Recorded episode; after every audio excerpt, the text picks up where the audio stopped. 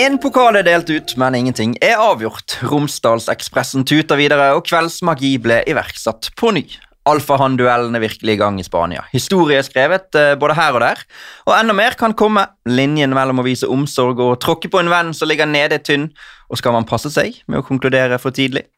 Nordmenn skårer over hele Europa, noen mer enn andre, og vi skal selvfølgelig også se fremover. For denne uken er det ikke bare én, men to Deadline Days å glede seg til. Velkommen til denne ukens episode av TV2s eh, fotballpodkast, og debut her i den eh, rebrandede podkasten for deg, Simen Stamse Møller. Yes, og jeg er kjempepodkastrusten etter en uh, veldig lang sommerferie med B-laget også, og det er lenge siden jeg har vært og prata med dere her uh, i den forrige podkasten, så da, da, tar vi noen forbehold om at det kan komme mye rare ting herfra. Ja. Mm. Mye rare ting, det skal vi nok klare oss med. Og uh, debut for deg òg, da. Reporter, fotballreporter hos oss, Eirik Næss Gjelvik. Ja, det er vel ingen som helst tvil om. Så jeg tenkte at hvis, jeg, hvis du hevder at du er litt sånn fersk etter gamet her nå, da er i hvert fall jeg fersk, for jeg tenkte her skal jeg komme og lære av, av det beste. Ja, Vi får se det ut. Vi kan jo sniktise allerede det nå, Simen, for det er vel premiere på B-laget denne ja, uken òg, ikke det? har vi torsdag. Men det, jeg savner jo dette studioet. Dette er jo et vanlig sånn radiolook-studio. Vi har jo begynt å spille inn i TV-studio. Mm. Jeg mener jo B-laget var best da det var i dette studioet. Nok om det. Men det betyr i hvert fall at dere også kan se B-laget på TV2 Play, yes. dere som ønsker det. da. Så eh, eh, Vi begynner, eller pleier å begynne runden med Eliteserien. Eirik, du er en av de som følger Eller kanskje den som følger Eliteserien tettest hos oss i eh, TV2. Eh, I hvert fall på nyhetssiden av ting. Jeg sier ikke at du skal sitte og kunne alt fra alle kamper som har vært i helgen, men eh, det er jo sånn at vi har hatt et par lag i Norge de siste årene nå som har vært eh, nivå over de andre. Bodø-Glimt har jo herjet i Europa, også nasjonalt. Men det er Molde som leder serien nå, med syv poeng. Det er Molde som har gått inn i Europa. Ja, det har kanskje fått litt sånn Eller Bodø-Glimt har gått inn i Europa, for all del, men Molde Jeg føler kanskje de er litt, litt sånn undersnakket. Ja, jeg skulle til å si det, at Molde sine prestasjoner siste åra har kanskje ikke fått så masse skryt som man egentlig fortjener. Ser du i Europa også, vært meget god år etter år etter år. Og det at de klarer å gjenskape det i en såpass liten by som vi tross alt må kalle Molde, det er jo mektig imponerende. Og nå leder de med sju poeng på Glimt, er det vel. og det, det, er nesten ingen som snakker om, om det. Nei, og de vinner 4-1 over Sarpsborg eh, i, i helgen. Sarpsborg som da taper for åttende kamp på rad, de sliter virkelig. og som jeg sa, Molde går inn i Conference League, og der skal de møte Gent, Shamrock Rovers og Djurgården. Det høres ut som en gruppe Molde kan gå videre fra, eller bør gå videre fra. Ja, i hvert fall hvis du ser på historisk på det, hva, hva lag de har slått ut tidligere. Og hjemme i, i Molde så er de meget gode. så de som spiller i, i Molde, er i hvert fall godt fornøyd med, med trekninga der. Tenk på de pengene de kan tjene denne høsten. Da. Først og fremst med altså, de Resultater her er en seier i 7 millioner kroner, tror jeg, sånn cirka. Da. Poeng så får man to-tre. Og I tillegg så eh, er det utstillingsvindu for Fofana, og kanskje flere også. så Plutselig kan de tjene så ekstremt mye penger denne, denne høsten. Ja, Det forteller jo egentlig sitt at Molde mener jo på at de kan selge Fofana for 50 mil på dagen. Og jeg tror han kan gå for mer etter nå, den ja, høsten. Nå kan han definitivt gå for mer, når de i tillegg eh, beholder han. Og det var egentlig litt av poenget mitt, at de vil beholde han. Viser mm. egentlig hvor, hvor stor tro de har på han, hva utstillingsvindu det kan gi, hva et seriegull kan bety. Så nei, de har funnet gull i han, altså. Og så er det en annen ting som har gått litt under radaren. Det er ikke så rart, da, men Fredrik Aursnes, gått til Benfica. Det er en stor klubb, altså, historisk og nå. Champions League-klubb. Uh, han føler jeg også er en sånn spiller som veldig få snakker om. Nå har vi noen store stjerner i Norge, men det er en bra overgang. Altså, da har du gjort mye riktig for å ha landa der. Jeg tror det er helt riktig klubb også, håper han får spille.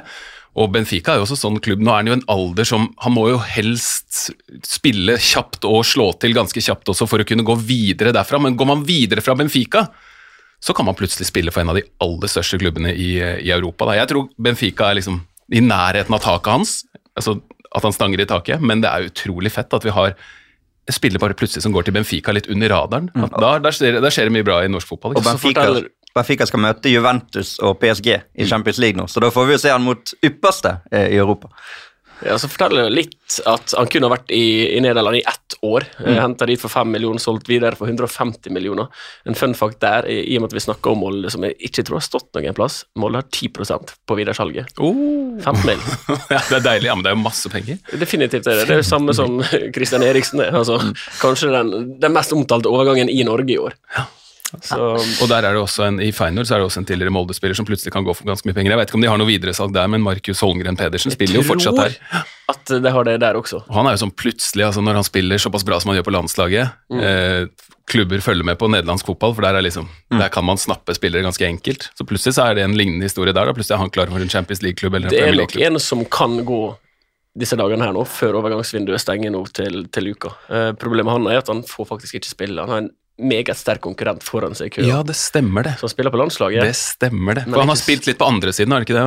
eh, Pedersen har spilt Jo, litt på venstre. Siden. Og der kommer kanskje Fredrik Bjørkan inn til Feyenoord nå. ikke snakk om det, sant? Så det, det er mye som skjer i Han var der igjen, i hvert fall. Ja.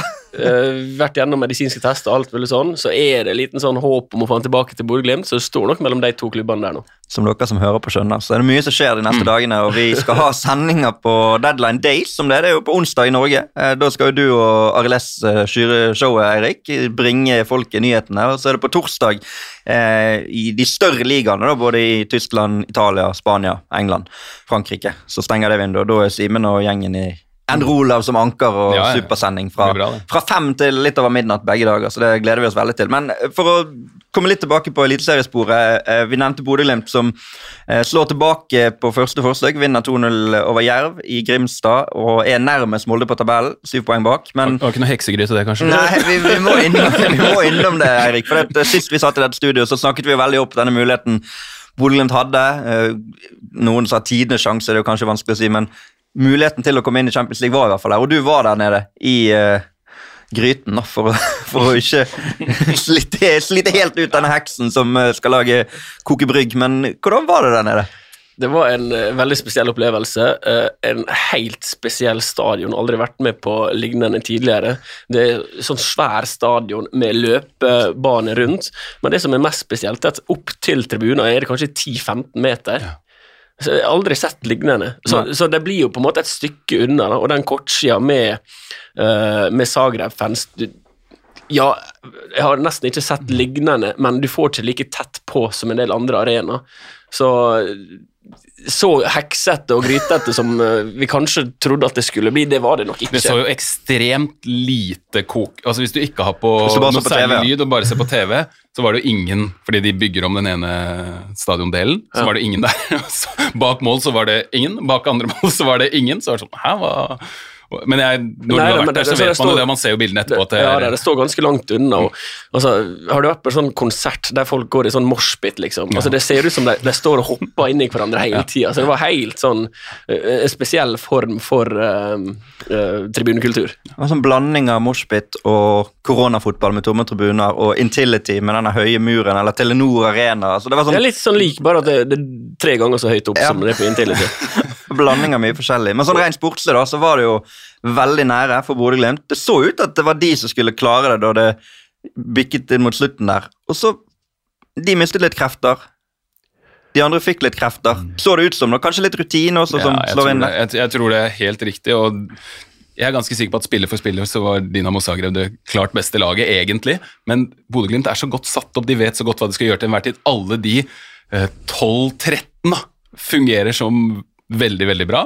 Eh, men så kommer liksom 14-15-16, og så har de jo litt uflaks også, syns jeg. Altså det, ballen spretter jo eh, Dinamo Zagrebs vei. Ja, de kommer igjennom alene med keeper eh, på Det blir 3-1-skåringa, men der er det jo liksom de avverger jo nesten, og så kommer det mange på rett side, og så finnes det en luke mellom der hvor, hvor det er plass, akkurat der det er plass til å sette ballen. så jeg følte veldig med Bodø-Glimt, for de gjorde så mye riktig, men de dumma seg jo ut i første omgang der nede. er jo egentlig den som skiller seg ut som en dårlig omgang, syns jeg, av Bodø-Glimt. Det er vel det Kjetil Knutsen sier, at han blir grepet litt av anledninga i første omgang. Altså Du skal gå ut og være Bodø-Glimt, og så blir du tatt av stundens alvor.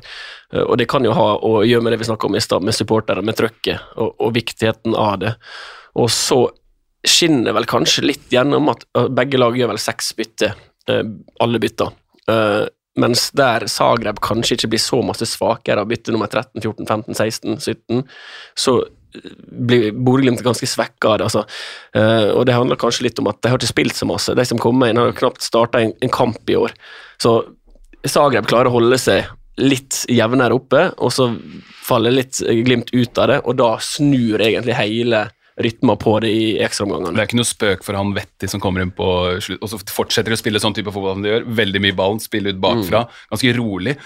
Og når man da får ballen sentralt på midten Hvis man hvis man ikke er lobotomert, da. Hvis, hvis, man klarer, hvis man er til stede og man vet jo hva en scoring fra eller til har å si i den kampen, så skjønner jeg godt at man blir nervøs. Altså Noen balltap der, det er helt naturlig, og det blir veldig kostbart for Da kommer liksom Dynamo Zagreb veldig inn i det igjen. da, og mm. de, de, gangene de Bodø-Glimt mister ballen, plutselig så får de blod på tann Dynamo Zagreb, og så har de litt uflaks òg. Du kan identifisere deg med det uansett hva nivå du har spilt på. at Du har kjent på en liten sånn nervøsitet mm. når du kommer inn på en kamp. Og så ja, kan du tenke deg hvor mange millioner som står på spill, hvor mye drømmer som står på spill der. For det er jo, det er jo sånn drømmen om å spille på det øverste nivået som også brister for en del der, vil jeg tro. Det må jo ha vært spesielt å se disse Glimt-spillerne i umiddelbart etter kampen. Du ser egentlig bare intervjuet med Amal Pellegrino, som er nærmest på tårene og, og, sliter med å få fram ord. Mm. Uh, hvis Molde da vinner Champions League, nei, uh, Eliteserien så er det de som er i Champions League-kvalifisering til neste år. Og da er ikke så mange muligheter du kanskje får, da. Det kunne være din ene. Mm. Jeg sier ikke at det blir det, men det kan bli det. I hvert fall for enkelte av de. Det er sannsynlig at det er det. Og så har man hatt vi må, Det er ikke å legge skjul på at det hadde veldig, en fin vei fram til playoffen. Mm. Eh, det vet du aldri hvordan det blir. Du kan få et tøft lag som gjør at du aldri er så nært igjen. og tre minutter under en straffekonk. Mm. Hallo. Liten presisering. Jeg har allerede sagt feil, for jeg eh, jeg viste til uh, pengepremiene i Europaligaen. Molde er ja. ikke Europaligaen, så jeg tror det er halvparten av sånn. Ja, Man tjener gode penger, i hvert fall. Ja. Glimt går jo inn i Europaligaen, fikk bl.a. Arsenal og PSV. Så det er jo noen ikke, De får ikke de samme pengene, men lagene er jo store, de som kommer til Aspmyra i Ja, Martin Ødegaard på Aspmyra her. Ja, det blir stort. Som kaptein. Og eh, Ole Selnes med Zürich. Så det er ja, ja, mye norske linker der. Absolutt. Uh, Glimt da syv poeng bak Molde. Uh, møter Molde til helgen. Det er jo en skikkelig storkamp. Um, en enorm helg faktisk i norsk fotball. Det kan vi egentlig ta med en gang. Rosenborg møter Viking på søndag. Vålerenga møter Lillestrøm i kveldskampen på søndag. Så der er det bare å glede seg hvis du har en playkonto inn og ser der. Og så er det Åsane Brann i Obos-ligaen også. Uh. Kanskje den største rosinen av alle i pølsene. Um, Lillestrøm er jo lik med Bodø-Glimt uh, på tredjeplass bak målforskjell fordi uh, snubler kanskje ut av gullkampen i helgen, eller? Hva tenker du ja, 1-1 hjemme mot Kristiansund? Det ser vel litt sånn ut. Ja. Nå er det for langt opp. Molde og Bodø-Glimt avgir knapt poeng. Jeg tror egentlig gullkampen òg kan bli avgjort til helga. Eh, så lenge Glimt ikke vinner der, så jeg føler meg ganske sikker på at Molde tar det. Jeg syns det er nesten litt sånn urettferdig også for, for Lillestrøm. Da. De har jo de har gjort det omtrent så bra som de kan gjøre det, syns jeg, så lenge at de har gitt seg selv en sjanse til å være med der oppe. Mm. Eh, og så blir det liksom sånn Æh, de gikk ikke, i stedet for at de egentlig burde bare, det gjør de sikkert også, men kose seg og feire at de er der oppe. Så tenker man liksom man begynner å drømme om seriegull, men eh, jeg tror liksom hele veien så har trenerne deres også følt litt på det. At det kan gå, men det logiske er at det ikke går. Ja. Og håpe at liksom eh, supporterne merka at det var litt dårlig stemning etter at de røyk ut av Europa også. Da var det liksom veldig mange som, eh, som var misfornøyde. Men herregud, liksom stikke fingeren litt i jorda og skjønne hva Lillestrøm faktisk har fått til de siste to-tre årene, så, så, er det veldig bra. Ja, Absolutt. Og så er det litt sånn marginer for Glimt. Og du får skade på Akor Adams, Gjermund Aasen er ute i en sånn viktig periode som gjør at du nå kanskje har falt litt for langt bak. Mm. Så det, Lillestrøm har gjort en mektig imponerende jobb, og mm. ser du stallen der, nummer 15, 16, 17, der er ganske bra, men så mangler kanskje lille, denne lille X-faktoren når du mister de viktigste spillerne. Og så er det jo klart at Når du, når du ser de lagene de avgittes poengene mot, da, så er det to uavgjortkamper hjemme mot Tromsø og Kristiansund, og så er det tap mot Jerv, der, der, de har mistet syv poeng. Hadde de tatt de syv poengene, så hadde de vært likt med Volde, sant? Men, men, det vil jo alle lag kunne si, og alle lag kan ikke vinne alle kamper. Men uh, et annet lag som har vært i, i god form, eller i hvert fall tatt uh, seire etter seire, er Rosenborg, som uh, Taper i helgen. Eh, hadde fem strake før den og ryker eh, tre-fire mot Tromsø. Det som var en sånn magisk eh, søndagskveld. Vi satt og sa der, jeg vet ikke om det var forrige uke eller uken før, at føler de der søndagskampene i Eliteserien, når Rosenborg er involvert, skjer det alltid et eller annet. Det er et eller annet med Rosenborg som passer å spille i flomlys. da. Og, og nok en gang ble det en sånn veldig spesiell kamp der. Begge trenerne var jo litt selvkritiske etterpå for at de mente at det var litt for mye Hawaii. eller altså, det, det, det, var ikke sånn de ønsket å fremstå, men for en nøytral tilskuer så var jo det der eh, gull på en søndagskveld. Ja, fantastisk. Du så jo bare intervjuet med Mikkelsen etter kampen. nesten sånn uh, euforisk i blikket. Kveldskamp, masse mål. Mm. Uh, slå Rosenborg, skåring på overtid. Det, det, er jo den perfekte oppskrifta på hva en eliteseriekamp bør være. Og der er jo altså Sesongen redda på en måte for noen spillere. Hvis man opplever sånn, en sånn kveld eller et par sånne kamper i løpet av sesong, og så lander man midt på tabellen, og så er det sånn Ja, det var grei sesong, men de opplevelsene for spillerne, for fansen, så må man bare sette så pris på. da. For det er bare noen få som er der oppe. Men når man slår Rosenborg på den måten hjemme, så er det magisk. da. Ja, det er for enkelte sikkert den største kvelden de kommer til å Ja, ha i karrieren. Både bli det. supporterne til Tromsø og altså August Mikkelsen sjøl hadde jo drømt om dette siden han var liten. sant? Å slå Ja, ja. Rosenborg og, og gjøre det på den måten. Det var, um, Og så er jo. Rosenborg virkelig på gang òg. Altså, Mm. Det er jo de som er fort eh, Lillestrøms utfordrere til en medalje nå. Det er det ingen, absolutt ingen som hadde sagt for en 28 kamper siden. Nei. Og du ser nysigneringen nå, banker i mål for Rosenborg. Mm. Så der er det er et eller annet som er på gang der nå. Skal vi gi Vålerenga en liten sjanse til å komme opp der? De er på 33 poeng. Fire bak Rosenborg, syv bak Lillestrøm og Bodø-Glimt. Møter som sagt Lillestrøm i helgen. Vinner de den Nei, unnskyld, åtte bak Lillestrøm og Bodø-Glimt. Vinner de den, så er de fem bak Lillestrøm.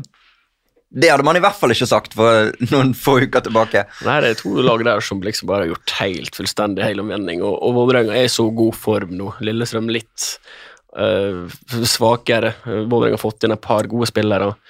Stefan Strandberg virka virker jo som altså, Skal ikke undervurdere sånn flytsone. Det er, det er en del klubber i Norge som er sånn flytsone, og så jeg vet ikke hva det motsatte av flytsone er, men det er i hvert fall eh, sånn, de kan oppleve det.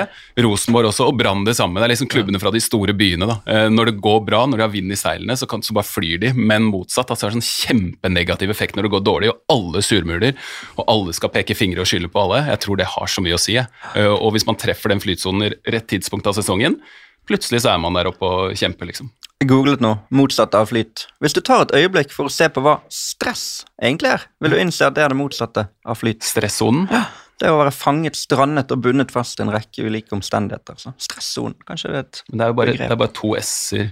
Det, det syns jeg alltid var litt vanskelig. Ja, det I tre norsken, på. liksom, det, det er tre på rad, men det er fortsatt bare to. Men jeg tenker faktisk kokt det kan bli da på, på søndag på Intility. Bra. Nesten utsolgt allerede. Det er jo Norges kuleste oppgjør. Mm, ja, I hvert fall nå når du har det der Vålerenga på vei opp. Det var og- veldig kult, den eh, vårkampen også. Eh, Stemninga der var Lillestrøm klart best, men også det de klarte å, klarte å skape. Eh, da får man jo kanskje payback på, til, til helga. Mm. Herlig utgangspunkt. Så er det mange som Det er så artig å følge diskusjonen. Nei, dette er ikke Norges kuleste oppgjør, dette er ikke kuleste det. Men jeg har vært rundt på en del altså Lillestrøm mot Vålerenga er noe spesielt, for det er to enorme uh, supporterkrefter som er i sving der nå. To lag som er litt på gang.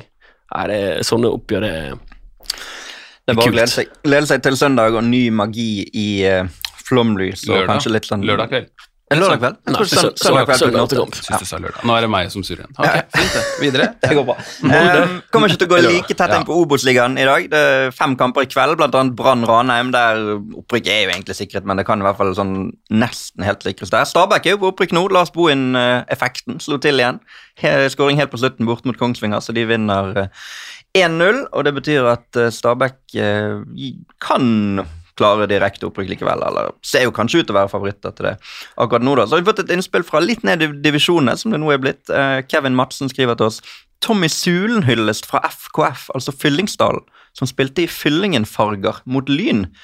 Lyn vant 3-2 på Varden. Eh, nesten 1000 tilskuere igjen. Enorm stemning. Tommy Sulen, tidligere eh, sånn publikumsopphausser og en av de liksom store forgrunnsfigurene for Fyllingen, da, den gang Fyllingen var oppe. Eh, døde nå i fjor, eh, dessverre. Eh, og ble hyllet, fikk sin fortjente hyllest der, eh, av et eh, Varden Amfi, som Og de spilte i gult. Fyllingen var jo tidligere en klubb alene, og så ble de slått sammen. Varden var det der. Løvham spilte også. Ja, stemmer. For Fyllingen og Løvham ble slått sammen og ble til Fyllingsdalen og fikk sånne lilla drakter. Men nå eh, spilte Fyllingen i, i gult mot Lyn i en sånn gammel uh, storkamp. Lyn vant 3-2. da. Lyn er jo litt på vei opp igjen. Det har man jo sagt Sånn før. Sånn men- fotballkort på 90-tall-oppgjør, det der. Ja. Det var Lyn og Fyllingen var i Tippeligaen. da. Mm.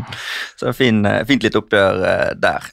På um, kvinnesiden i, skulle egentlig hatt Kristina Paulos her i dag, men hun måtte melde sykdomsforfall, dessverre, rett før. Det må vi bare leve med. Eh, Men der er jo serien over, eller grunnspillet ferdig. Brann eh, vant grunnspillet, fikk en pokal av supporterne sine. Som ikke anerkjenner sluttspillet. Eh, de- Det jo jo helt fantastisk, egentlig. Ja da. Sånn, Vi er da noe for oss sjøl på den siden av fjellet, men uh, det er jo flere supportergrupper som har gått ut og offentlig sagt at de, de kommer ikke til å anerkjenne det sluttspillmodellen som er laget av, eh, forut for denne sesongen, men Brann spilte 3-3 i siste kamp der mot eh, LSK kvinner. De, de var i praksis seriemester allerede, eller ikke seriemester, da, men grunnspillmester.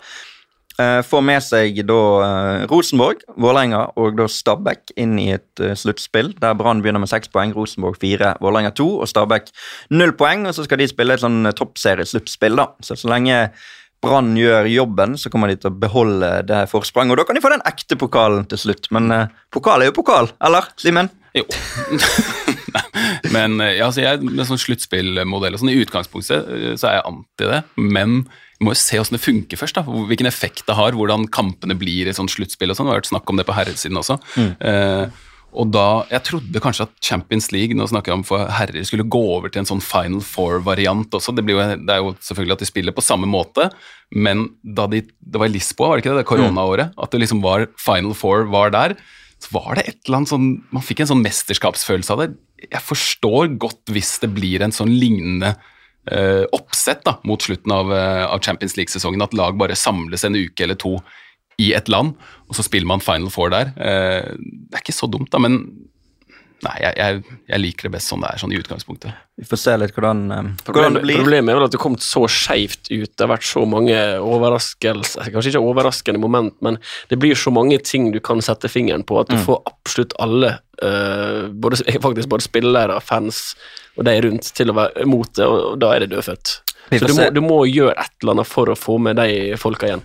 Det ble i hvert fall spenning rundt den fjerdeplassen, for der var det både Kolbotn, Lyn og LSK kvinner som kunne utfordre Stabæk om den plassen der. Det endte med at Stabæk tok det, de snudde sin egen kamp mot Arna Bjørnar og, og, gikk inn, selv om da både Kolbotn slo Vålerenga og Lyn slo Rosenborg.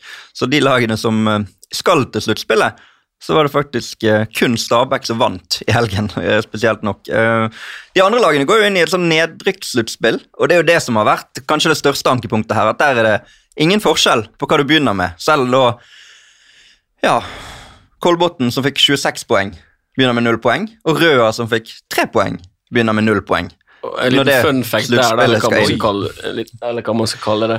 Uh, Kolbotn var ikke de som fikk uh, kansellert en eller fikk ikke spilt mot Avaldsnes. Banen var så dårlig, dømt til å tape 3-0. Det kunne blitt avgjørende, for om de kom på fjerdeplass. Helt riktig. Ja, liksom. så de to lagene går hvem, inn Hvem har funnet ut av det? At det, er, at det skal være At det er null poeng fra start? Der? Nei, det, var jo, det er jo kanskje det største um, negative ankepunktet ved dette. da, For de har jo bare spilt i praksis treningskamper frem til nå, disse lagene. Og nå skal de spille om å holde seg da, sammen med da, eh, Lyn, LSK Kvinner, Arna-Bjørnar og Avaldsnes. I tillegg til da TIL 2020 og Åsane som kommer opp fra førstedivisjon. Nummer syv og åtte der går ned. Nummer seks spiller kvalik mot et lag som utgjør et nytt sluttspill på nivået under. Er det deadline på samme måte som eh, herrene? Har kvinnene også deadline samme dag? For da kunne vi jo nå henta spillere Nettopp. fra Altså Hvis Røa plutselig hadde fått noen muskler, da det det, Økonomisk kunne de henta fem spillere fra Kolbotn, liksom. Det blir spennende å se nå, for det var jo et av de tingene som ble sagt før sesongen, at uh, man trenger ikke bruke noe penger på våren. Nei. Men det kan skje nå. Når man vet hvor man er, det er da man kan sette inn eh, støt. Så en del ankepunkter har det vært her, og det er jo kanskje det største av de da. Så får vi se hvordan det står ut i praksis. Et annet ting er jo at du får mer penger ved å bli nummer fem enn det laget som ender opp som nummer fire i sluttspillet over. Fordi at det, vinneren av det spillet, grunnspill Eller ikke grunnspillet, men um, sluttspill på nederste nivå, ja. har en høyere premiepott enn de som blir nummer fire på øverste. Nå beveger jeg meg litt ut på tynn is, men, men uansett. Eh, nå kommer det en ny rettighetsperiode også, mm. hvor eh, vi i TV 2 har kjøpt eh, alt. Og ofte så er det sånn at da umiddelbart så får litt mer, nei, klubbene litt mer penger mellom hendene. Og da kan man jo muligens begynne å tenke på den måten, at man, siden man Altså det blir mer lukrativt og viktigere å være i toppserien, eliteserien, sånn første rettighetsåret, da. Det har jo herrene vært veldig tydelige på. Dette der er veldig tydelig, og kommer til å bli veldig tydelig på deadline day for norske lag i, i bunnstriden. Uh, ta Christian Eriksen som et eksempel. I HamKam så var de, satt det veldig, veldig langt inne å selge han. I år, hvis du eh, Hold, for å være eliteserie i år, da får du kanskje 5 millioner i rene penger. Neste år øker den summen til 20-25 millioner.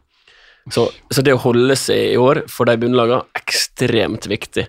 Uh, og det vil vise igjen på at uh, spiller, klubbene i bunnstriden vil takke nei til mange bud som de ville sagt ja til i en kall det vanlig verden. Det blir um, spennende dager fremover der også. Den største nyheten denne uken åpenbart på kvinnesiden av fotballen i Norge er jo at Caroline Graham Hansen tar pause fra landslaget. Nå er ikke Kristina her akkurat nå, men vi har fått et lite intervju som Kristina gjorde med Hege Riise rett før helgen, så vi skal faktisk spille av uh, hele det. Det handler om uh, Caroline Graham Hansen-situasjonen. Det handler også litt om prosjekt Hege Riise inn mot de avgjørende kvalifiseringskampene til Norge i VM-kvaliken, og litt hennes visjon for Norge fremover. Du var og besøkte Karoline her for en ukes eh, tid siden. Kan du si litt om det besøket og hvordan hun opplevdes da? Vi var jo eh, Barcelona var jo i Toulouse og spilte firenasjoners-turneringa der. Så da tok jo både Ingvild og Monica og jeg turen til Karoline og til Engen og snakka med de. Og da hadde vi jo to timer med Karoline hvor hun ga jo uttrykk for uh, at hun var sliten. Og, men samtidig så hadde vi jo en fin fotballprat og opplevelser fra EM og sånt, så vi følte ikke da at det var noen indikasjon på at uh, det var noe uh, ja, forfall, da. Men hun, hun, sa at hun var sliten.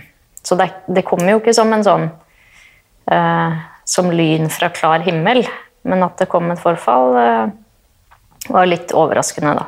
Mm. Eh, og at det skjer på en måte en, ja, en, uke etter at dere har blitt sammen, og dagen etter uttaket. Mm. Fra utsiden ser jo det eh, rart ut. Hva tenker du? Jeg tenker egentlig ikke det. For jeg tror hvis man, hvis man nærmer seg noe og kjenner at man er sliten, så er det uavhengig om det er dagen før eller etter et uttak. Jeg tror liksom Plutselig så kjenner man at åh, dette orker jeg ikke. Vi har jo hatt noen sånne opplevelser sjøl hvor det, da må det bare skje nå for at man skal få litt uh, fred. da. Og det er vel det som har skjedd, uh, tror jeg. Hvordan fikk du beskjeden om at hun tok seg en pause? Vi fikk en mail fra Karoline sjøl uh, hvor det sto ryddig og fint på det. Og så kom jo pressemeldinga da relativt raskt etterpå, da, for da merka jeg jo at telefonene begynte å ringe. Eh, hva slags dialog har du med, Karoline nå framover? På en måte? Har dere avtalt noe om dere skal holde kontakten? på en måte? Ja, jeg snakka med Karoline ja, samme dag. Eh, litt seinere på dagen. Og jeg sa at jeg ønsker å holde kontakten. Hun var glad for det, og det kommer vi til å gjøre. Vi håper jo alle at pausen skal bli kort. Men selvfølgelig, så hun må kjenne om eh, dette blir riktig for henne, og hvor lang tid hun trenger. Mm. Eh, hvis vi går over til dette landslaget som du skal eh, jobbe med nå, da. Mm. Eh, du har jo et landslag som kommer fra en ganske eh, tøff EM-opplevelse. Mm. Både det å, å, ryke ut i gruppespillet, men også det å, å få seg en skikkelig eh, kilevink mot, mot England. Hvor begynner man da? Vi begynner jo med å eh, snakke om et grunnspill. Hvordan vi ønsker å spille, hvordan vi ønsker å fremstå. Eh, og så at det krever endring. Det som har vært, har vært. Det krever endring for å skape ny kurs og ny energi. Og det er det vi går inn med. Det er jo så enkelt og så vanskelig. Men vi ønsker jo vi ønsker å stake ut eh, en retning tidlig. Sånn som vi har vært inne på også. Mestre å spille mot flere eh, nivåmotstandere. Og skape en trygghet og en sult og en entusiasme. For du har jo spillemateriale med altså stjernespillere i de største eh, klubbene i Europa. Mm. Samtidig som du har eh, hva skal jeg si, spillere fra den norske ligaen, så spekteret er jo stort. Hvor ja. ser du at det norske landslaget står per dags dato i internasjonal målestokk? Eh, internasjonal målestokk så er vi jo litt under det beste. Og, og prestasjonen i EM uh, tilsier det.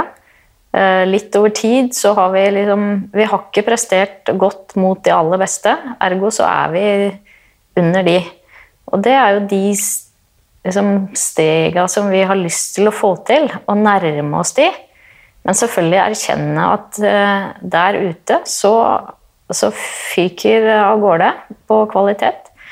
Og vi må være rå i et lite land som Norge på å få fram sulten, få fram laget. Og jo, mer, jo større lag, jo bedre prestasjoner. Eh, du var selv en del av et landslag som vant VM, OL altså, Norge har stolte tradisjoner på kvinnesiden. Mm. Per dags dato er man jo et stykke unna å oppnå de samme tingene. Mm. Hva, hvordan ser du på hva som skal til for å komme tilbake igjen dit?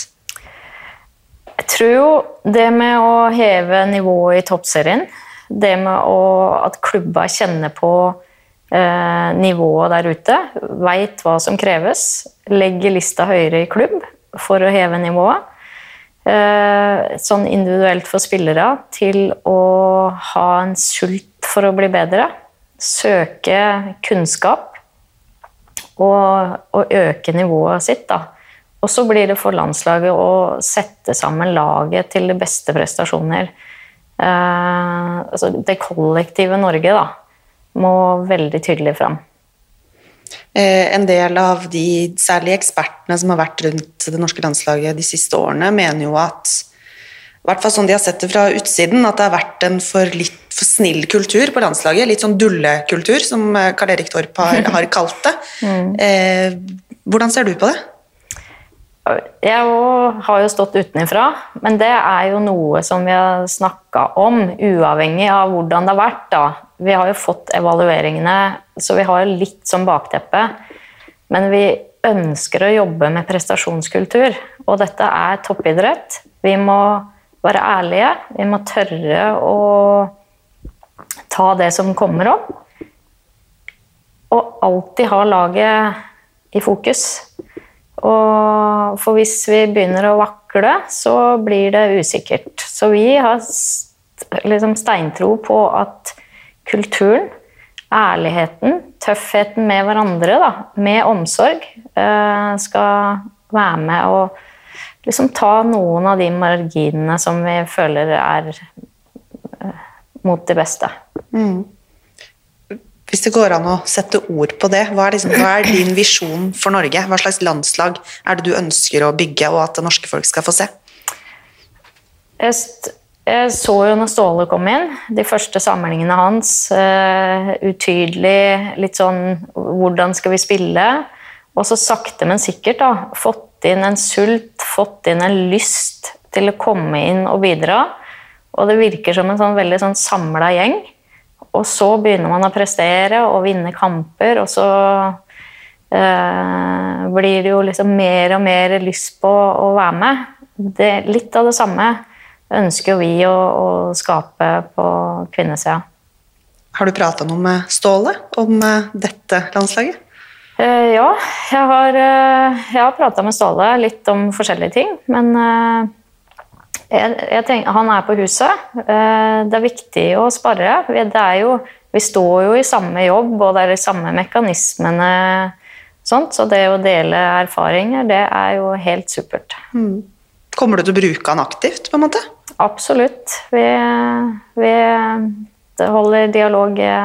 Og jeg ringer og spør hvis det er noe jeg lurer på. Og jeg tror den nysgjerrigheten er viktig også for å, for å gjøre en best mulig jobb. Det handler jo ikke om meg, det handler om laget. Det handler om hvordan vi skal få Norge sånn som vi ønsker at det skal se ut. Eh, du snakker om å, eh, å, styrke toppserien som en viktig del av det å, å bygge et godt eh, landslag. Mm.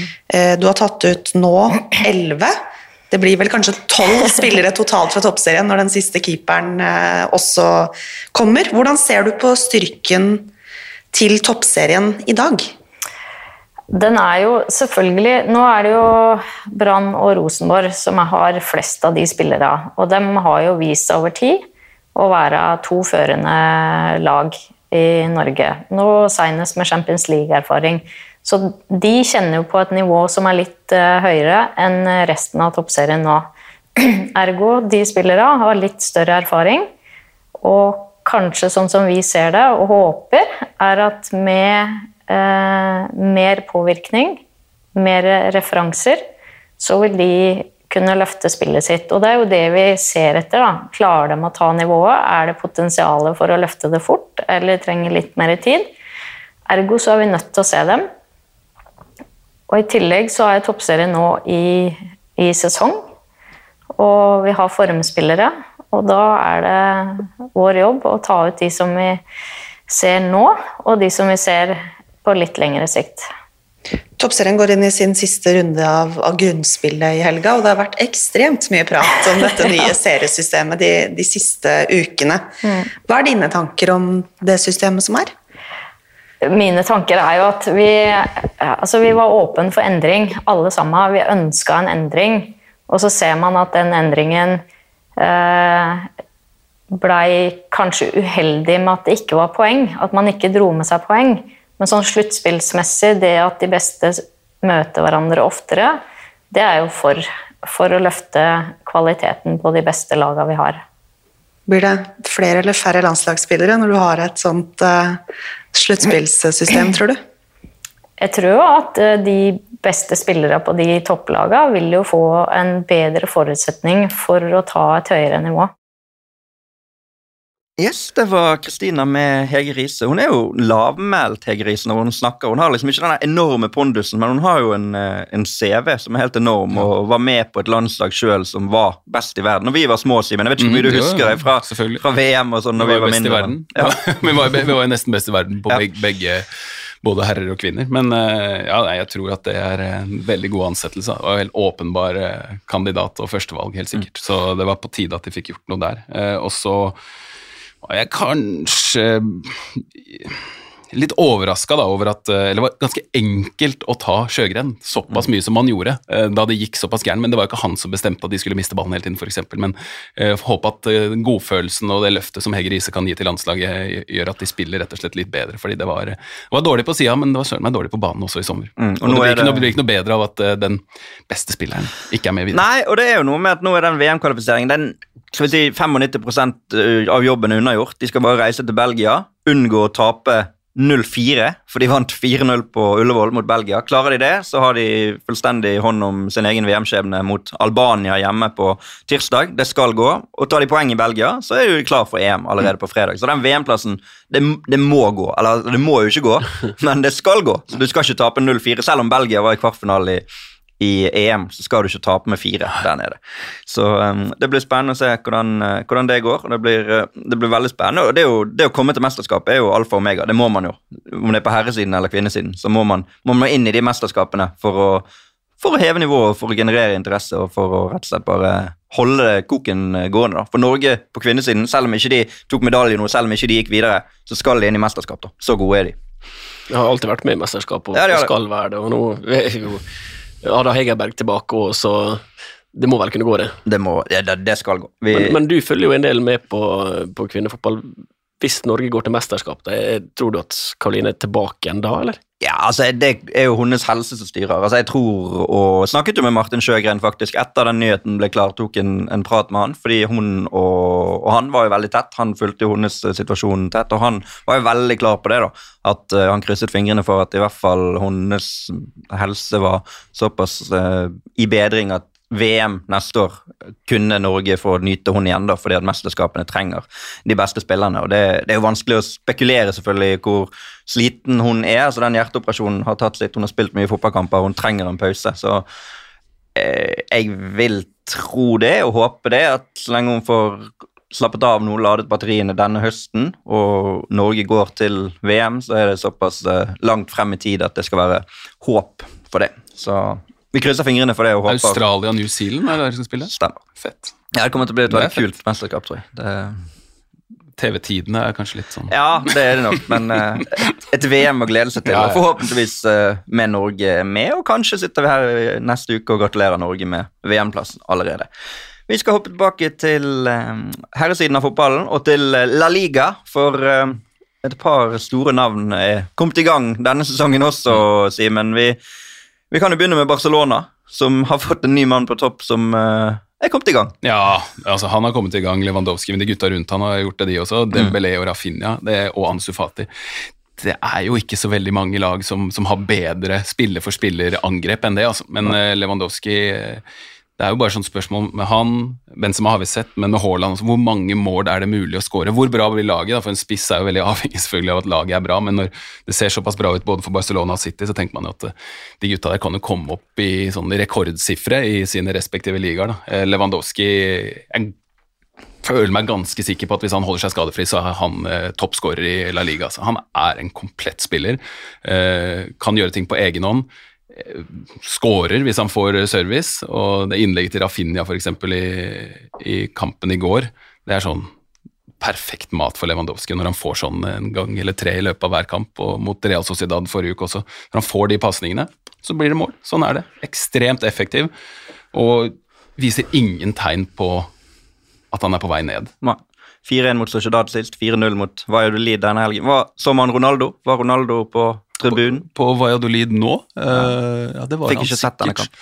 Det var han sikkert. Han var i hvert fall der da Valladolid hadde serieåpninga, så var han der. Men han er jo en, um, en veldig snill president, da. Det er jo mange av de presidentene som er luringer og uh, veldig sånn politikere eller uh, innmari kjappe med å sparke trenere og sånn, men Ronaldo er jo helt motsatt skala. Ikke overraskende, han er jo en kosebamse. Mm. Han er en kosebamse. Eh, men ja, han eh, ble jo sånn Ronaldo-derby, det. Valladolid hadde ikke sjans i det hele tatt. En stor nummer ni på banen og en stor på tribunen. Og en annen nummer ni som vi har sett mye i både La Liga og Champions League herje de siste årene, Eirik eh, Karim, Karim Benzema, Benzema, ja. skåret også to i helgen. Spanjol Real Madrid 1-3. Og som Viktor Hallnes, Victorious Man 7, skriver til oss på Twitter, hyll verdens beste fotballspiller 21-22. 1-2-skåringen er så Benzema som du får det. Han bare setter foten Han bare vet akkurat hvor han skal løpe, vet akkurat hvordan han skal vinkle foten, og setter han i mål. Det mest imponerende med han er jo at han ser til ut til å bare bli bedre og bedre og bedre. og bedre. I fjor var han helt ellevill. Altså, han, han vinner jo nesten kamper på egen hånd uke etter uke etter uke. etter uke. Uh, Ja, men det, er, det er sant, da. Det er jo historisk høyt nivå, syns jeg, på en enkeltspiller. Altså, man har jo uh, Messi og han Ronaldo har alltid for all vært del. bra, men i fjor bare tok han til helt nytt nivå. Men, men jeg syns liksom det at én spiller kan gjøre en så stor forskjell i en Champions League-sesong som det Benzema gjorde, uh, det, er, det er helt unikt. Fordi fotballen blir det er jo en klisjé, det, men fotballen blir jo bare bedre og bedre. Altså, Lag blir bare bedre og bedre. eh, Alt blir bortimot perfekt. Men da å liksom bare bestemme seg for at nei, de, de skal ikke vinne, selv om de kanskje er det beste laget, så skal jeg fikse det. Og det gjorde han hver gang. Hver gang gjorde han det, og så fortsetter han sånn inn i, i denne sesongen. Og Real Madrid er jo, jeg synes det er artig å se på dem, fordi de, det er ingen lag som er så avhengig av å ha noe å spille for, for å være på sitt toppnivå som Real Madrid. Når det er 0-0, så er de dritgode. Så leder de 1-0, og så slipper de de andre laget litt innpå seg. Så blir det 1-1, ja, så stepper de opp litt. Sånn er det hele tiden. Sånn var det i går òg mot, eh, eh, mot, nei, mot uh, Español. Hvor de, de, de, de, går ut med et sinnssykt høyt nivå, og så scorer de, og så slipper de seg litt nedpå. Og så opp på det samme nivået igjen, og så vinner de kampene komfortabelt til slutt. Sånn var det mot Celta også i åpningen. Nei, de er, de er et utrolig godt lag og har blitt faktisk Jeg syns det ser ut allerede som at de har blitt litt bedre med, med signeringen av uh, Chouameni. Vi får se de store kampene, men han har et større ferdighetsregister enn Casemiro. Kanskje ikke samme ødeleggeren, men be, mye bedre med ball. Men den måten å på en måte balansere kampene på eller slippe seg ned og sånn, tror du det er også en faktor som gjør at de står en hel sesong, eksempel? Altså, de skal jo kjempe på flere fronter, at de kan rett og slett hvile litt i kampene. Ja, ja jeg syns de virker veldig gode på det. Altså Gjøre omtrent det de må, ikke så veldig mye mer. Men uh, sånn der Vinicius og en, et par av de andre unge spillerne òg, de har jo ikke helt det. De kjører på. Men vi ser hvordan, hvordan Modric og Kroos og Alaba og, hvordan, og Benzema og for så vidt liksom bare, Det virker som at de bare bestemmer seg for å styre tempoet i en kamp og er helt fine med at eh, det bølger litt, og, og de vinner til slutt. De vinner til slutt. Også... Men før vi går videre, når vi er inne på spansk fotball, vi må ikke glemme at vi snart får en nordmann til der nå. Nei. Tilbake. Tilbake. Ja, Alexander Sørloth. Ja, fordi jeg tenkte de, de, de, Vi snakket om både Holmgren Pedersen i stad, eh, og så var vi inne på Nei, vi var ikke innom Sander Berge heller, men Alexander Sørloth. De har jo samme agenter. De kan ha litt busy dager, de gutta der, for der er det spillere som Norske spillere som er attraktive for klubber rundt omkring. Skal han tilbake pga. at Isak drar, da? Det er helt riktig. Han er akkurat nå, faktisk, på medisinsk test i Real Sociedad. Det vet du, du, vi sitter i studioene, nå, Eirik sitter sitter liksom litt med telefonen din Nei, litt meldinger. Det er vel egentlig Det har vi omtalt. Vi omtalte Ja det vel i går. Um, blir presentert der i ettermiddag. Lån ut sesongen med opsjon på kjøp. Og det kan passe han som hånd i hanske. De vet akkurat hva de får. Uh, nå kan det være den ene, den der nå spydspissen når Isak har dratt. Jeg tror faktisk at det personlig er eh, en suksessfaktor for Sørloth, at han får vite at han blir satset på for å spille jevnt og tydelig. Da har han vist gang på gang at han er god. Han sier det vel egentlig rett ut sjøl også, at han trenger litt spilletid, litt tillit, for å være på sitt beste. Ja, og så har de kvitta seg med litt daukjøtt også, Real Sociedad. Eller ting som ikke fungerte. De har hatt han eh, altså Janusai, eh, Porto, de spillerne som de bytta egentlig på å være terningkast tre. Eh, det, var, liksom De, de mangler, syns jeg, liksom noe når de nærmer seg å skulle skåre mål. da. Kubo har kommet inn, vært lovende. Brais Mendes er jo bare venstreføtter. da. Merino David Silva, Bryce Menders og Jarzabal er jo begge fota. Men det er, det er mange der altså, som kan gi Sørloth uh, mye mål. Det har vært litt sånn annenhver suksess, annenhver litt sånn ikke-suksess for Sørloth i klubbskiftene Ja. i det siste. Ja. Hva, hva mener du tilsier at han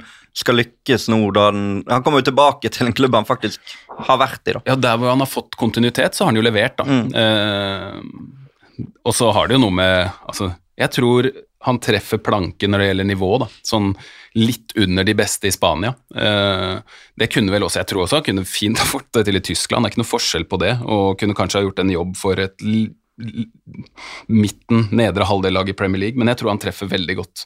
Eh, og jeg tror det, som, eh, som Eirik også er inne på, det at han får, får spille jevnt og trutt, er utrolig viktig. Og så er det ikke et det er ikke et sånt krav om at man skal skåre 20 mål, liksom. Men, eh, men kommer han opp på tosifra, så tror jeg han skal være veldig fornøyd for, eh, for det Real Sociedad-laget. Jeg har vel allerede solgt inn eh, norsk fotball, det må dere se, i helgen, eller på lørdag. Men hvis du ser den lørdagen du får i La Liga, da. Eh, Real Madrid mot Real Betis, de to eneste lagene som har vunnet eh, alle sine tre første kamper, begynner. Og så er det Alexander Sørloth mot Diego Simone, Real Sociedad mot eh, Atletico Madrid 18.30, og så rundes det av med Sevilla mot Barcelona klokken ni. Så det er en sånn wow-lørdag. Perfekt at det er i Sevilla òg. Sevilla Ja. starta ganske dårlig eh, og har ikke egentlig Ja, det er ikke deres beste utgave, men det kan jo skje ting på overgangsfronten der også de neste dagene. Men eh, Sevilla, du snakket om at det skjer ofte noe når Rosenborg spiller kveldskamper. Sånn er det jo med Sevilla, også spesielt når de spiller store kveldskamper. Så har det en tendens til å ta seg opp og bli veldig moro å se på. Det kan skje magiske ting i Spania. Uh, ja. Men hva med Jørgen Strand Larsen til Celta Vigo? Er det noe som dere har svar på? Skal han dit? Nei da. Um, det har vært bud på han. Oh, ja. Uh, avslått, riktignok. Litt opp og fram, men godt over 100 millioner. Er det sant? Det er sant. Oi, Jesus! Ja, men det, det er jo et bra lag. Uh, opp og ned, da. Men hvis han kan spille med Jago Aspas, så tror jeg det kan bli, det kan bli et eventyr. Over 100 millioner? Ja, Det er ikke så ofte La Liga-klubber legger det på bordet. Hvis du ser, hvis du ser bort fra de, de tre store, da, så er det ikke altså over 100 millioner. Da mener de alvor, da. Ja, så forteller vi litt om uh, hvordan han blir prisa i Nederland i Groningen nå. Ja. Middlesbrough har jo vært Så det intervjuet med han ganske sånn Det er veldig sjelden at man ser spillere være såpass eh, Ja, da kan du tenke deg, Det Da var han såpass tydelig når, når det gjaldt å komme seg til championship, så kan du tenke deg hvor lyst han har nå til La Liga. Ja. Og hvor lyst dere som hører på, har til å se både vår sending på onsdag og på torsdag. For eh, det kommer til å være norske navn i omløp på torsdag òg, når det internasjonale vinduet stenger. Inn mot en frist der. Som både du og Arild har sagt før, alle skal ha midtstopper, og alle skal ha spiss. Hvor dyr er Sander Berge, da? Har du et anslag der? Hvis det er noen som vil ha han fra Sheffield United? Godt spørsmål. Skal vi, vi må vel over 200. Ja. ja. Det blir kanskje vanskelig fordi jeg har en Jeg sa det til han også da han var i det var det 2018 han var i, på kontraskjæret. Du hadde passa veldig godt i Spania. Italia òg, for så vidt, men jeg tror at han kunne passa veldig godt for et sånt eh, Sevilla Real Betis rundt der eh, sjiktet. Tror han kunne spilt seg kanskje enda høyere opp etter hvert også. Blir eh, spennende dager for eh, mange nordmenn. Et par nordmenn som ikke skal vekk fra England, det kan vi i hvert fall garantere, som vi skal over på nå, som virkelig har begynt å sette sitt preg på Premier League. og Vi begynner, eh, vi kan begynne på toppen av tabellen, vi, med Arsenal, som eh, tar sin fjerde strake seier. Martin Ødegaard, kaptein, står frem, skårer utligningsmålet når Arsenal snur 0-1 til 2-1 mot Fulham, og hylles jo i Ja. britiske medier med rette. Ja, han hadde en sånn kamp mot jeg tror det var Wolverhampton forrige sesong også, hvor det er jevnt, Arsenal sliter, og så bare bestemmer han seg for at nå skal han uh, styre det, og det skal ikke stå på han. liksom, og da vippa de kampen til sin favør. Jeg tror det var 2-1 det også. Og nå, eh, det han gjør siste, ja, siste 20 halvtimen før han blir bytta ut, det er skyhøyt nivå. Så det er så bra. Han, er, han har aldri vært bedre, og nå gjør han det også på Riktignok selvfølgelig mot ikke et av de aller beste lagene, men det er sånne type spillere man trenger når det brenner litt, og Arsenal holdt på å gå på en liten smell. Og så må vi bare slutte med dette eh, ingen kapteinstype eller et eller annet sånt. Altså, når han har vært kaptein for Norge, tatt ansvar der, eh, kaptein i Arsenal altså, Du får ikke sånn å være en snill, uskyldig 15-åring fra Drammen. Altså, nå har han vist nok til at han er en type til å lede en Premier League-klubb, og da Og ikke bare en Premier League-klubb, men Premier League-leder. Ja da, men nå er det tidlig ennå. Han har ikke hatt de tøffeste kampene, men eh, De er der. var toppskårerlista tre mål her. Ja, ja, det kommer til å være det. Men eh, det er spennende å se hvor lenge Arsenal holder. Eh, kanskje de kan lede til jul, f.eks. Det er jo en del som begynner å se litt frem til allerede nå. Kollega Mathias Karpaas sa at Og da er det VM, sant? Om de kan lede frem til VM. Han sa til meg en dag at alle lag som har ledet Premier League når VM begynner, har vunnet Premier League det året. Jævla godt sagt. Klok mann. Ja. Så den eh, kan jo, statistikken kan man eh, ta med seg. Um, et annet eh, norsk ja, fenomen, må vi nesten kunne kalle det, i Premier League, er jo Erling Braut Haaland, som skåret sine første mål på Etihad Stadium i helgen, og han skåret tre av de. Kunne ikke gjort så mye mer i den kampen der, han. Det er helt utrolig. Og, og egentlig i de periodene, lang periode hvor en time hvor City sliter, så ser man jo Altså, han er, han er helt lik. Han gjør akkurat det samme som han gjør de 20 minuttene han skårer, men da kommer ikke ballen dit hvor han er.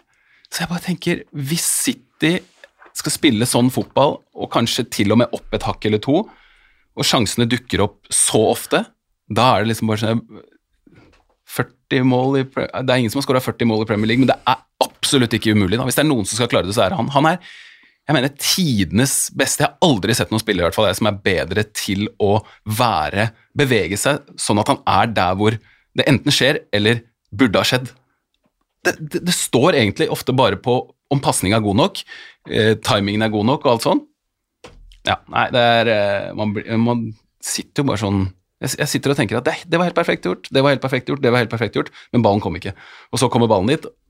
Hadde ikke, sånn som, Hvem var det de spilte mot da han ikke scora? Ja, Bournemouth eller noe sånt. Mm. Da også ganske likt. Han var på hugget, han var, men ballen kom ikke dit hvor han var.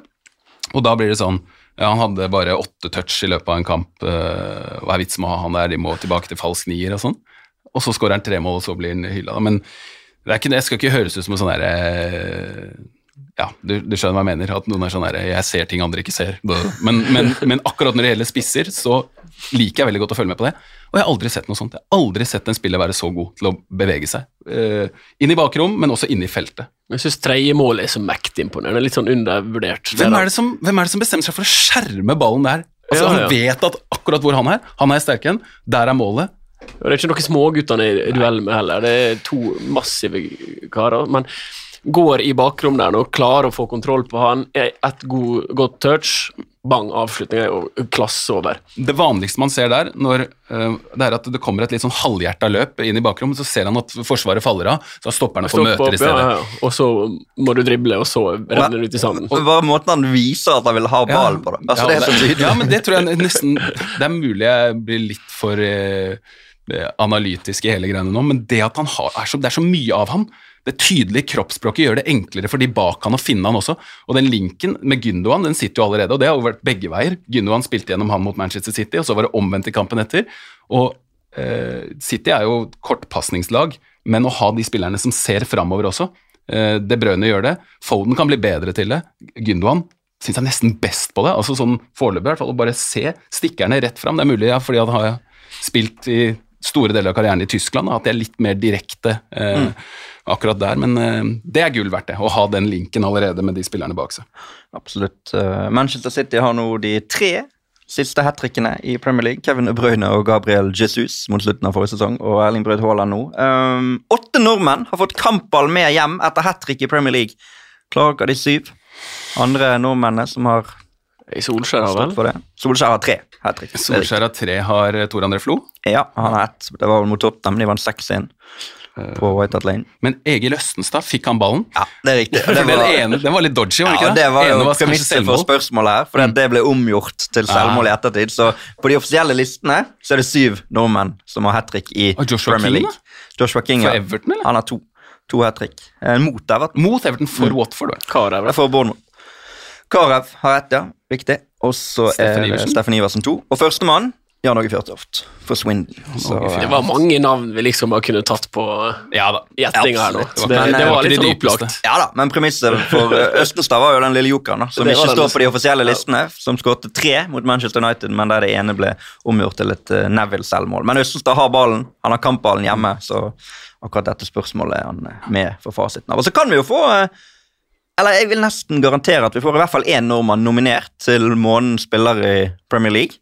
Kanskje to. Både Haaland og Ødegaard ligger godt an der, vil det, jeg tro. er det historisk hvis vi får to? Det vil jeg tro, og vi har aldri vunnet den prisen. Altså Det har aldri vært en nordmann som har blitt kåret til månedens spiller i Premier League. Og så er det ingen kamper igjen. Så det er, Det er jo det nå. Det er midtuke. Det er midtuke, selvfølgelig. Så det er gitt at ikke de Og- dummer seg og ut. Haaland har vel Forest hjemme, tror jeg. Så her går det med muligheter. Det ja, jeg, jeg vil nesten garantere en norsk nominasjon. Vi har hatt nominasjon tidligere, det har vi hatt, men aldri vunnet. Men se for, for meg at vi kan få Han Ja, norsk manager har vunnet månedens manager, vel, Solskjær. Ja, han har det. Og eh, ja, for å se enda lenger frem, komme på sesongens lag, f.eks. Har kun én nordmann vært før. Det kan være et quiz-spørsmål til dere som hører på. Hvem fra Norge har vært på sesongens lag i Premier League? Kan svare på hash2fotballpod, eh, hashtagen vår. Tar vi det derfra. Citys naboer, Manchester United, har også vunnet i helgen. To seire på rad. 1-0 borte mot uh, Southampton. Bruno Fernandes uh, skårer. Ett fotballmeninger på Twitter spør tror dere United fortsetter formen nå, eller er det gledesrus etter Liverpool-seieren? For de fikk seg to seire på en uke der, og spesielt den første var jo viktig, da, men uh, Ja. det å følge opp er jo nesten like viktig. Ja, man, man, eh, De vinner jo selvfølgelig mye oppi huet deres når de slår Liverpool, eh, og så møter et av de svakere lagene i, i ligaen, riktignok på bortebane.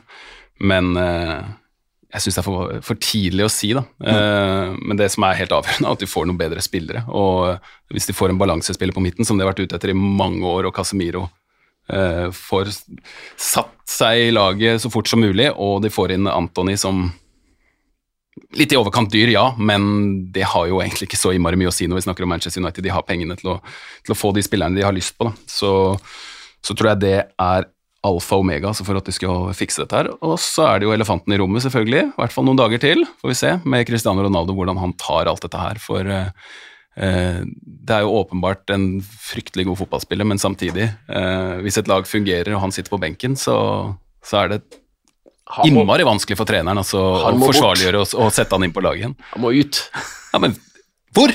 Nei, det, var er jo, det, er jo, det, er jo, Napoli, det er jo det United om nå? Eller jo, det er jo, koker jo ned til å være United sitt problem, da, men uh, du ser jo det funker jo masse bedre uten han på topp. Ja, Paul Scholes etterlyste han nå, mente selv etter de vant mot Southampton at det hadde vært bedre med han på topp der som et sånt focal point, eller hva han kalte det for. I, Men jeg tror dette i det avhenger veldig av hva Cristiano Ronaldo vil sjøl. Hvis han er sur, grinete, eh, vanskelig å ha med å gjøre, virkelig vil vekk for enhver pris, da må han bort. Da tror jeg han er et sånt et problem internt. Folk blir irritert, han blir irritert. Ingen god miks for noen av partene. Hvis han er motivert for å bli og kjempe, så er det noe helt annet. Og Det kan jo ha noe å si faktisk at de har heva seg de siste par kampene òg. Noe så enkelt som altså resultatene rundt et overgangs, eller før et overgangsvindu har ofte noe å si for om spillerne velger å gå dit eller dit. Hadde de tapt begge de to kampene, og han hadde vært eh, sur, så hadde de kanskje tenkt at nei, Ja, dette og kommer til å gå til siden alt dette her begynte, så har de vel fått inn to kvalitetsspillere i Casemiro og i Antony, så det jo kan jo spille inn. Så Det kan komme flere òg. Jeg tenker at United trenger enda flere. Jeg syns det er litt tynt fortsatt. Litt spesielt er at de spiller kamp på deadline day, så det kan, kan bli sånne her, eh, mixed eh, emotions der. og litt. Men eh, Napoli var nevnt. Ser du for deg treningsdueller mellom Leo Østigård og Cristiano Ronaldo?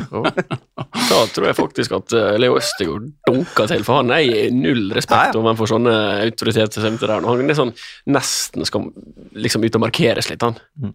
Han er en, en liten midtstopper eh, i høyde. de kan han bytte stor. han med en Napoli-spiss som heter Ossimen, som er utrolig bra. Han kan bli en av de beste spissene i verden, med, med rikt, riktige spillere rundt seg. Men eh, presidenten i Napoli er jo ofte lite villig til å selge spillere billig, da. Eh, men han er en sånn som, som fint kunne gått inn og gjort en stor forskjell i United, tror jeg. var inne på, på Østigård der, som eh, En annen lav midtstopper som nettopp har gått til Manchester United. Vi har fått et spørsmål om det òg, fra Jørn Henland, at Henlandi på Twitter. Um, det kan jo på en måte gå litt til deg, da, selv om ikke du har Graham Sunes sin karriere, så har du i hvert fall en rolle som tidligere fotballspiller og som nå fotballekspert. Simen, hva er deres tanker om tidligere fotballspillere som slakter nye spillere i en liga etter én kamp, og som mener at spilleren aldri vil bli god nok? Ref. Graham Sunes og Gabby Agbonlahor om Lisandro Martinez. Du, sa, du sa det vel her i sted, jeg syns det er for tidlig å konkludere med noe. Ja, nei, jeg, jeg kan det hadde vært spennende å ta opp igjen sitatene til eh, eksperter som er nødt til å komme med en mening etter en kamp, etter den første kampen til Vidic f.eks. Mm. Flere også som har hatt dårlige debuter. da. For eh, Jeg er jo helt enig. Lisandro Martinez som så jo, eh, han så jo veik og dårlig ut helt i starten, men mot Liverpool så var han jo helt sjef. og det står i hvert fall ikke på innsatsen der. da. Jeg, jeg tror den innstillinga er ekstremt viktig, det forsvaret der. Fordi de har hatt spillere som ser ut til at det bare skal ordne seg uten at de trenger å gjøre en innsats for det. Maguire spesielt, men Varan er litt sånn, han også. Stoler på farta si. Ikke den aller beste eh, sånn førsteforsvareren når det gjelder intensitet og sånn, og når de har fått trøbbel, så trenger de det, de som går inn med tenna først og avverger, liksom. Og der er Lisandro Martinez absolutt, altså. Men hvis vi ikke uh, har eksperter som får lov til å uttale seg, hva har du igjen da? Altså, hva har du igjen av fotballen? da? Hvis ikke uh, mannen i gata som åpenbart har mindre kunnskap enn trener din spillere skal få lov til å diskutere, da har vi ingenting å snakke om rundt eh, lunsjbordet. Da er fotballen vekk. Altså, det er jo det som er litt av sjarmen med fotball. Det er jo underholdning. Du skal ha noe å prate om, du skal ha noe å bli irritert, provosert over. Så folk må få lov å melde i hytt og gevær. Så må det selvfølgelig være litt mindre hardt etter kamp 1 enn kamp 5, 10, 15. Det er gøy, da. Ja, det er gøy Det er gøy at folk mener forskjellig også. og Det Ja, kan det er jo godt hende sånn at han fortsatt være. står ved det. da, At han tenker at ja, nå har de spilt en kamp mot Liverpool hvor de måtte spille med livet som innsats, og Liverpool var svakere enn de har vært i sånn toppkamp på mange år. Eh, og Da spiller han bra, og så mot uh, Southampton også bra. Eh, hva blir det da? To dårlige og to bra kamper? Så er det motstand og sånt. Hadde Darwin Nunes vært på topp der for Liverpool, kunne det blitt en annen Kunne utfordring. Eller ville det blitt en annen Ja, utfordring. Um, Liverpool var inne på de vinner 9-0 over Bournemouth. Um, tipper det var kanskje Southampton som heiet mest på Liverpool der på slutten for at de skulle få jevnbyrdige resultat. Så en nydelig tweet fra ja, Fantastisk. Ukens tweet. DM us if you need to talk at AFC Bournemouth. Kom fra Southamptons offisielle Twitter-konto etter eh, kamp der. eh, Etter at de har røket 0-9 sjøl et par ganger de siste årene, så var det nå en sørkystkollega av Bournemouth som gjorde det. og Roberto Firmino var jo virkelig på herjingen der. Det var alle slusene som åpna seg det plutselig for, eh, for han også, men det er jo fint at eh, han en gang iblant i hvert fall får, eh, får skåre både hat trick og hva blir det da, fem målpoeng i én Premier League-kamp. Det er jo sikkert noen som har det, men det er ikke mange da, tror jeg, snakker man eh, Jeg så det var noen, uten at, det, uten at det skulle bli en sånn fantasy-podkast, så, så det var folk som hadde han som triple captain Ikke sant. sammen med Haaland og Alexander Arnold og Ødegaard og alt mulig. Ja, på- ja. Tenk så snurt de føler seg av de som hadde Sala, ikke involvert i et mål. Ja, det var, det, det var det merkeligste med hele den kampen. At han verken har mål eller målgivende. 9-0. Tenk deg logge, logge seg på det eh, livescore, sjekke. Ja, 9-0. Ja, hvor mange mål har Sjala da? 4-5? Null. Han, han Alexander Arnold også. Nå, de har hatt fire kamper. Han har vært direkte svak i to kamper og helt fullstendig verdensklasse. Var det mot Crystal Palace, og da vant de ikke. Men da gjorde han alt riktig i denne kampen også. Den scoringen hans. Han har vel sagt at han sto på løkka og imiterte Steven Gerrard. Det var jo noe veldig Steven Gerrard over det treffet der. Det var det absolutt. Uh, Kevin Madsen har et innspill der også. To ganger 9-0-seier denne helgen for lag som spiller You Never Walk Alone før kamp. Celtic slo også til med 9-0 i skotsk eh, Premier League, med riktignok på bortebane mot Dundee United. Sånne resultater det, det er sånn som forbehold Skottland og sånt. Ville man aldri sett i, i de store ligaene. Neida. Og så et annet litt sånn artig innspill fra Kevin Madsen, KevMats97 på Twitter. Preston, det har dere sikkert ikke sett, men har fortsatt ikke sluppet inn mål til nå i championship. De har 1-0 i målforskjell etter seks kamper. De har vunnet én kamp 1-0, og så spilt fem kamper 0-0. Så Wow. de, de står der med seks, seks kamper. 1-0. Er ikke dit vi reiser først på kamp, da? det? Er ganske, ganske spesielt. Uh, vi går et lite steg ut fra England og til et par andre europeiske ligaer. For um, Morten Thorsby åpnet eh, kontoen sin denne helgen. 6-1-seier for Union Berlin borte mot Schalke. Det er jo kjekt når nordmenn skårer mål. Absolutt. Og eh, Union Berlin er faktisk nummer to på tabellen. Kun Skal spille Europaliga òg. må, ja, målforskjell bak Bayern München, som også avga poeng. Eh, Vi har jo sittet her nå og hyllet de et par uker eh, på rad, og Bundesliga-rekord med 15 mål på de tre første, men uh, Denne helgen var det faktisk motstandernes keeper som satte ny Bundesliga-rekord. Jan Sommer med 19 redninger mot Bayern München. Det er ganske sykt. Det ble 1-1. For ni er jo helt sykt. Egentlig ni redninger er 19. Ja, 19 redninger. Ja. Det er ganske vilt. da har du hatt dagen. Absolutt. Uh, Paris Saint-Germain, som også skal følges tett utover i Champions League, avga også poeng. 1-1 mot eh, Monaco, men Neymar med ny skåring han har vel er det seks mål og seks målgivende, tror jeg, på fire kamper i uh, ligaen fra start av der. Det blir, det blir gøy å se PSG fremover òg. Ja, det blir gøy. Det, de skal vel også gjøre Nå vi snakk om at han Fabian Ruiz, som jeg er veldig svak for, fra Napoli, skal inn der. Ehm, tenkte egentlig at det er en spiller Liverpool burde ligge på, men de har vel bestemt seg litt for seint at de skal ha en midtbanespiller, og han har hatt en avtale med PSG en god stund, så var det bare opp til klubben å bli enig, men det er en klassespiller, og så har de Verratti fra før av, ehm, og eh, med det angrepet der det er, De er jo egentlig bare sin egen verste fiende. Det, det bør jo Det bør jo bli suksess i Champions League nå, tenker jeg, når de har fått et år sammen også. og det, et, det var jo sjokkerende bilder av Mbappé i den første eller andre serierunden. Han så så utrolig giddalaus ut, men eh, hvis de får det til å svinge med ny trener, og jeg har hørt at de, de, løper mer enn før også, så lover det veldig godt. Da. De har um, Juventus i første kamp i Champions League neste uke. Det er vel kanskje den sånn største enkeltkampen i, Ja. i Champions League runde én, i hvert fall. Ja, men uh, ja, Juventus er også gjenstår å se hva de har å komme med, men det det så ut som en god trekning for PSG. da. Ja da, absolutt. Juventus som spilte 1-1 mot Benfica og Maccabi Haifa, ikke Mm. Ja, stemmer. 1-1 mot Roma i helgen for uh, Juventus. Og i Italia fikk vi også en norsk scoring. Erik Botheim. Botheim, ja. 4-0 for Salernitana mot Bologna. Kom inn som innbytter, skåret etter under ti minutter. Du har jo hatt en del kontakt med han opp gjennom, eh, Erik. og Det må jo være deilig å få det der første målet i en ny liga. Ja, definitivt. Uh, Botheim altså Dette er jo et stort steg for han. Så ærlig må jo være å komme til uh, italiensk. Har ikke spilt på lang tid. Uh, Trøblete år i fjor. Um, inn i en ekstremt kul klubb, Salernitana. Uh, ganske liten by, fantastisk plassert ute på kysten. Jeg var, jeg var der i fjor og besøkte Stefan Strandberg. Bare gå rundt i byen der og merke på den der nå um, kulturen, fanskulturen. Altså, jeg kunne ikke gå en meter omtrent uten å bli stoppa.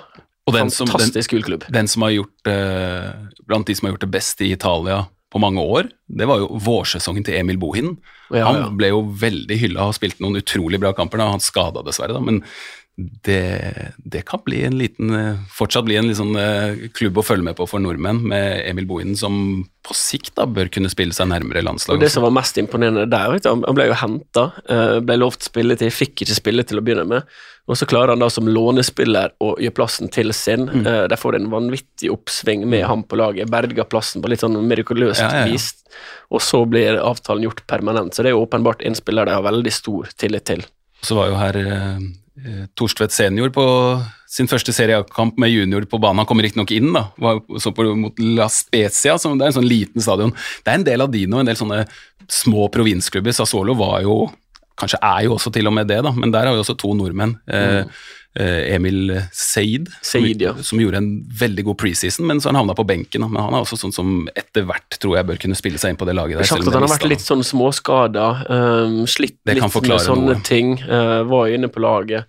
Um, ja, så han har visst nok en liten vei tilbake der før han er helt uh, friskmeldt og klar for å bidra jevnlig, og det må du kanskje kunne gjøre for å spille på et sånt lag. Den det blir vanskeligst for å spille seg inn på laget, er jo Østigård. Eh, det er ikke umulig, altså, men eh, det kreves kanskje en skade på en av de andre eller, eller et eller annet for at han skal kunne spille seg inn der nå på høstsesongen. i hvert fall Napoli som har starta bra, de òg. Mm, de Og det er jo veldig viktig for, for det norske landslaget òg. Med Strandberg tilbake i, i Norge, så får jo han spille fast for Vålerenga. Men du trenger én til som spiller jevnt, og da er det per dags dato Leo Østigård som er, det første valget. Men hva skjer hvis han havner på benken?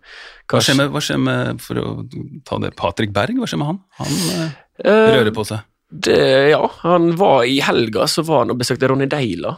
Eh, Stana Liège satt på tribunen der med klubbpresidenten. Det som ble sagt nå i dag, er vel at mest sannsynlig ikke ender med noen avtale der nå, fordi at um, Lance vil selge han. Uh, Stanley Liège har ikke penger til det. Uh, snakkes om en retur til Bodø-Glimt. Uh, det kan bli aktuelt. Um, så det skjer ting rundt han, i hvert fall. Hvor han ender opp, det får vi vel svar på i løpet av disse Hele midtbanen til Norge, da, nesten hvis jeg bare antar at det er interesse rundt Sander Berge, så skal, det, skal Mathias Nordmann skal finne seg et sted. eh, Patrick Berg også, litt eh, spørsmål rundt han. Så har eh, Christian Thorstvedt har flytta på seg Det er ganske mange, da. Aursnes. Nordmann var vel så godt som klar for Letcha, ikke det? Jo, og så bare Skar det kollapsa seg det. der på tampen. Det, nå er vi inne på det avsluttende spørsmålet i podkasten fra Fotballmeninger, som også spør oss hva tenker dere om deadland day i Norge. Vil det skje noe stort? I så fall hva? Og kommer Glimt til å få inn forsterkninger som sårt er trengt for et nytt eventyr i Europa? Du ligger tett på dette, Erik. Vi har vært innom noen navn, et par tidligere Glimt-spillere som kan komme tilbake. og De har jo også vist at de kan hente andre. altså han Albert Grønbæk syns jeg var helt fantastisk i de små glimtene vi har sett han, eh, de små glimtene. Det var, det var faktisk ikke meningen. Eh, Så eh, det kommer vel til å skje ting der. Det kommer til å skje ting både på den norske deadline som er 31., og i England, som involverer norske spillere. I Norge så er det nok sånn at de fleste klubbene nedover på tabellen har nok med seg sjøl. De har ikke økonomi til å hente så masse, så da må jo det i så fall være en spiller som blir solgt, som åpner opp for en dominoeffekt. I toppen så er vel et par lag handla ferdig, eh, men Glimt skal ha spillere. De prøver jo seg i all hovedsak på tidligere helter. Um, Rosenborg kanskje ferdighandla. Molde vil ha en midtstopper. Um, Vålerenga kan virke fer ferdighandla, men det rykta der går på at det er litt sånn aktivitet der også eh, på tampen. Og så har du alle disse norske som ikke har funnet seg, seg klubben, da, som kan signere både nå og senere. Altså Ørjan Hårsvold Nyland, um, som vi ikke har nevnt tidligere.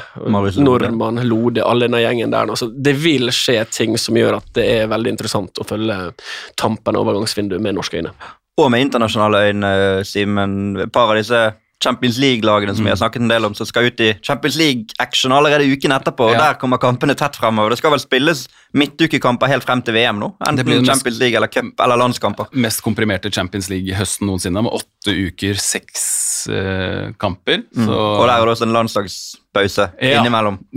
ja, det er sant, så det er hver, hver midtuke. Ja, og en ligacuprunde skal de vel ha. Det er jo eh, helt sikkert lag som trenger å gjøre ting, men eh, de har blitt flinkere på å gjøre unna businessen eh, tidlig. Altså. Eh, de engelske lagene, med unntak av Manchester United, som ikke er i Champions League. Så det, eh, men eh, Kanskje Chelsea. Chelsea er jo konstant på utkikk etter nye spillere, virker det som. Eh, nå har de fått orden på midtstopperplassen, vil tro at de er ferdighandla der med Fofana inn. Eh, Får se hva som skjer på midten. da. De snuste jo litt på Frenkie de Jong. Eh, Han er jo kanskje det største navnet i, i miksen. Eller Ja. det største navnet er kanskje Cristiano Ronaldo. Ja. Men den største potensielle overgangen er jo gjerne Frenkie de Jong, hvis Ja. det skjer noe der. Men nå er jo han inne og spiller. Så. Jeg syns det er helt ulogisk at Barcelona skal kvitte seg med han. Jeg er klar over eh, det lønnsproblemet, da. Men eh, det siste der er jo at han er, har sagt at han vil bli, og at han er villig til å diskutere det. Så antar jeg at han ikke kommer til å gå noe sted. Eh, Liverpool og midtbanespillere er spennende. Han kunne jo vært en mann der definitivt. Nevnte Fabian Ruiz tidligere. Tielemanns, også en spiller som kunne vært aktuell for, for Liverpool. Men man må opp på et visst nivå for å kunne heve disse lagene også. Det er det som gjør det vanskelig helt på tampen å finne riktige spillere. De vil garantert har Jude Bellingham, men nå blir han jo enda dyrere enn han kanskje hadde vært i, hvis de hadde fiksa det i juni, da, for nå vet eh, Borussia Dortmund at Liverpool er desperate. Hvis de uansett har tenkt til å handle han seinere, så er jo det et spørsmål om hvor mye penger de tenker at han er verdt. da. Og de er jo en klubb som i hvert fall tidligere har vist at de, de gjør ikke en quick fix. Nei. De venter heller det halve året, som eh, Kan van Dijk. ta en van. Dijk-løsning og kanskje hente han i januar, da, hvis han trengs da. Mm. Uh, Og Dortmund er vel ganske seige mot tampen av overgangsvinduer. Jo. Så det med Sancho i fjor, liksom. Ja. Altså, har de bestemt seg, så er det ikke sånn eh, Du, du kødder ikke med deg. Nei. de jobber vel deadlines på den måten også med sine egne spillere, at de har en avtale om at ja, Mm. ok, innen den datoen så må du bestemme deg, vinduet er åpent fortsatt, men da har vi en avtale om at uh, nå er vårt interne vindu stengt, da, og jeg vil tippe at tilfellet er det med Bellingham. Mm. Om Frenkie de Jong blir, så er det vel uansett noe som skal ut fra Barcelona. Ja, det har de- Aubameyang ja. vet vi ikke noe om. Memphis Depay, Han ble rana. Martin Brathwaite. Ja. Aubameyang ble rana i natt i familiehjemmet. Det tror jeg det er sikkert skjellsettende, det. Eh, Etter han kom hjem fra kamp, så hadde det vært eh, knivran hjemme hos han. Men han kan være på vei, ja. Han er jo sånn som reiser På eget på dagen initiativ. på eget initiativ. Eh, Memphis Depay eh, og Pjanic er jo Ja, overflødig. han er der òg ennå. Det Han er en god spiller, vet du. Han er Ja, ja. sånn som kunne, kunne gjort en forskjell på mange, veldig veldig mange lag, men eh, kanskje ikke for de aller beste. Da. Men de er jo nødt til å kvitte seg med noe, og så har de jo ekstremt mange midtstoppere, men det virker som at de midtstopperne som er der, de skal bli Piquet, kommer ikke til å gå noe sted. Erik Arcia spiller, Condé, Christensen, eh, Araujo er egentlig kanskje den beste av alle. Um, så de har jo Det er litt sånn skjev eh, tropp med ikke så mange bekker, men veldig mange midtstoppere, f.eks. Nei, det kommer til å skje noe med Barcelona de siste dagene av overgangsvinduet. Det kommer til å skje mye, og det har allerede skjedd en del. og Vi gleder oss til å ligge tett på, og det har vært kjekt å ha dere med. Takk for at du debuterte her hos oss i dag, Eirik. Det var bare hyggelig. Takk for at du gjorde comeback i dette rommet som du er så glad i, Yes, Simen. det er det. Takk for meg. Og takk til Moderne medier som eier dette rommet, og som fasiliterer for at vi kan uh, levere disse podkastene ukentlig. Husk at dere kan påvirke innholdet. Kom med innhold på Kom med, inn, kom med innhold. Kom med tips til innhold på Twitter, hashtag fotballpod der. Og ratings uh, gjerne i iTunes og andre steder der dere hører oss. Og så ses vi og høres vi plutselig igjen etter at overgangsvinduet er stengt. Sendingene er som sagt onsdag og torsdag 17 til 00.30 på TV2 Sport1, gratis på tv2.no, og eh, også for TV2 Play for dere som har eh, det. Ha det bra!